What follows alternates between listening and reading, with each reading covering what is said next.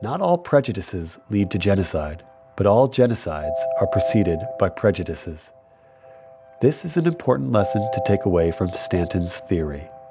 Genocide does not happen overnight, but it is conceived, prepared, and carried out by people.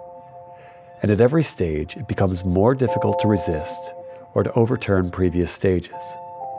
That's why all of us need to stay alert to the precursors of genocide occurring everywhere in the world and to stop them while we can. We commemorate the victims of the Holocaust to make sure that they are not forgotten and that we do not forget what discrimination and exclusion can lead to.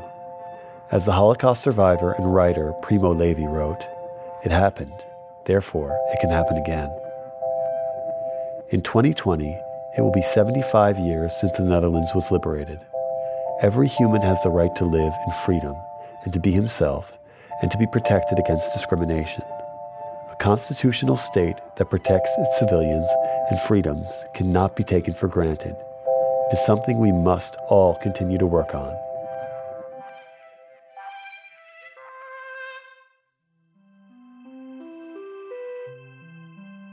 This podcast was made to accompany the exhibition The Persecution of Jews in Photographs, the Netherlands, 1940 to 1945, which is on view at the National Holocaust Museum through the 6th of October 2019 and at the Topography of Terror in Berlin starting the 29th of October 2019.